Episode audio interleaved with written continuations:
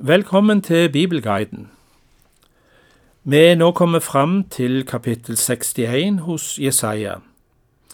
Og Det er det stykket som Jesus leste fra i synagogen i sin hjemby Nasaret. Det vakte forundring og bestyrtelse når han sa at dette var skrevet om han.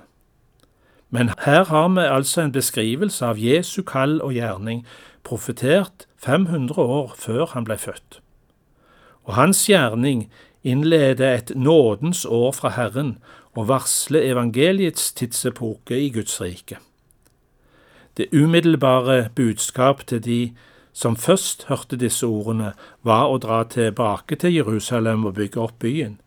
Men vi forstår fort at denne Herrens salvede er en annen eller en vanlig konge av folket. Det er Messias som taler her.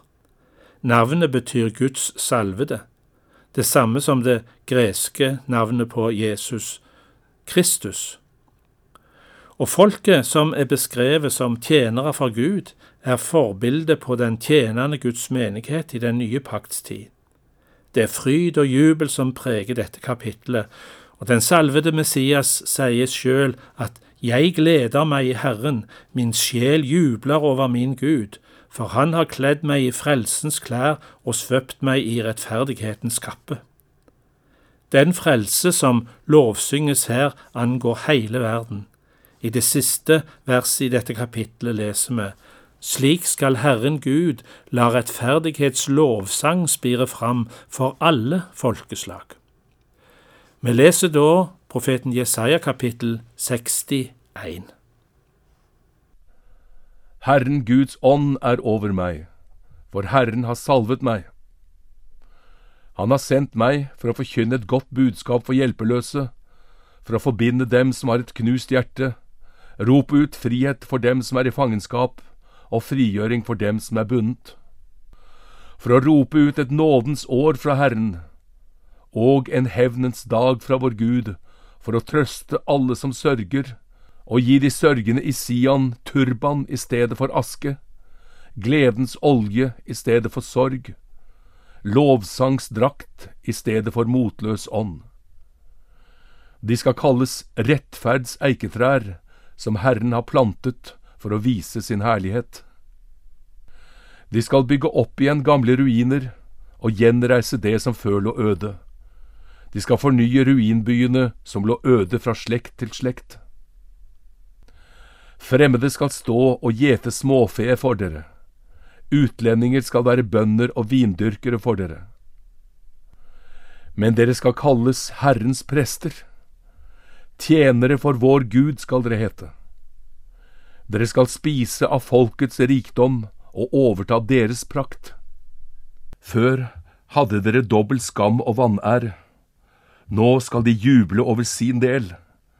Derfor skal de ha dobbel arv i landet. Evig glede skal de få. For jeg er Herren som elsker rett og hater ran og urett. I troskap gir jeg dem lønn og slutter en evig pakt med dem. Deres ett skal bli kjent blant folkeslagene, etterkommerne deres blant folkene. Alle som ser dem skal forstå at de er en ett som Herren velsigner. Jeg gleder meg i Herren, min sjel jubler over min Gud, for Han har kledd meg i frelsens klær og svøpt meg i rettferdighetskappe, lik en brudgom som setter på seg prestelig turban, lik en brud som pynter seg med smykker. For som jorden lar spirene vokse, som en hage lar frøene gro, slik skal Herren Gud la rettferdighet og lovsang spire fram for alle folkeslag. Vi skal òg lese kapittel 62, da, som er en videre beskrivelse av hvordan Sion skal få tilbake sin herlighet når Herren griper inn med sin frelse. Denne frelsesgjerningen blir til et vitnesbyrd for alle folkeslag om Guds kjærlighet til sitt folk. For å beskrive denne kjærligheten gir profeten bilder på en ung manns kjærlighet til sin brud. Vi leser kapittel 62, vers 1-5. For Sions skyld vil jeg ikke tie. For Jerusalems skyld vil jeg ikke være rolig, før hennes rettferd bryter fram som lysglans og hennes frelse flammer som en fakkel. Folkeslag skal se din rettferd, og alle konger din herlighet.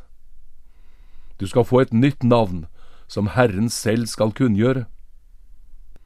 Du skal bli en herlig krans i Herrens hånd, et kongelig diadem i din Guds åpne hånd. Du skal ikke lenger kalles Den forlatte, og landet skal ikke lenger kalles Det som er lagt øde, men du skal hete Den jeg har kjær, og landet ditt Den jeg har tatt til ekte. For Herren har deg kjær, og vil ta landet til ekte. Som en ung mann gifter seg med en jomfru, skal dine sønner gifte seg med deg.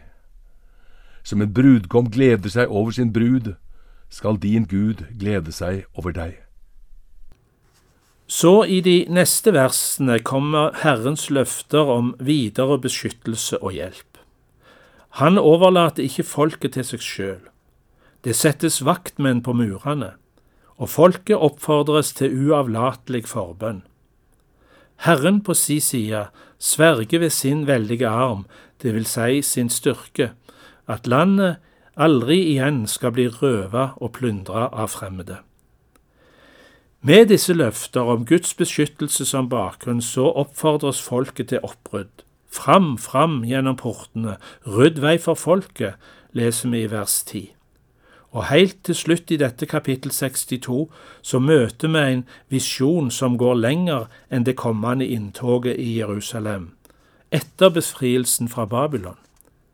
Her beskrives Jesu inntog i himmelen sammen med alle de som er vunnet ved evangeliet.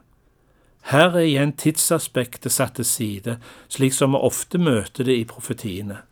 Nå, snart, langt framme og helt til slutt går over i hverandre. Vi leser så versene 6 til 12 i Jesaja kapittel 62. Jeg har satt vaktmenn ut på murene din, Jerusalem.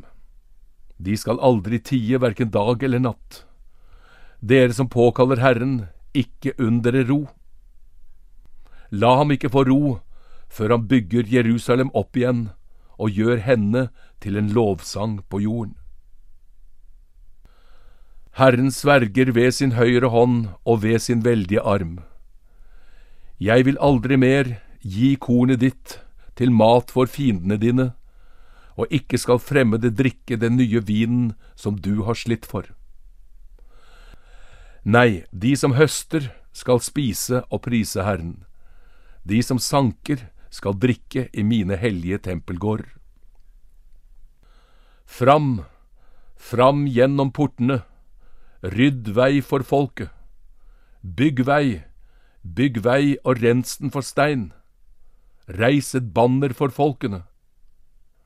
Nå lar Herren det høres til jordens ende. Si til datter Sion, se, din frelse kommer. De han fikk som lønn er med ham, de han vant går foran ham. De skal kalles det hellige folket de som er løst ut av Herren, og selv skal du kalles den etterspurte, byen som ikke er forlatt. Da takker vi for dagens fellesskap over en åpen bibel og ønsker velkommen tilbake til Bibelguiden.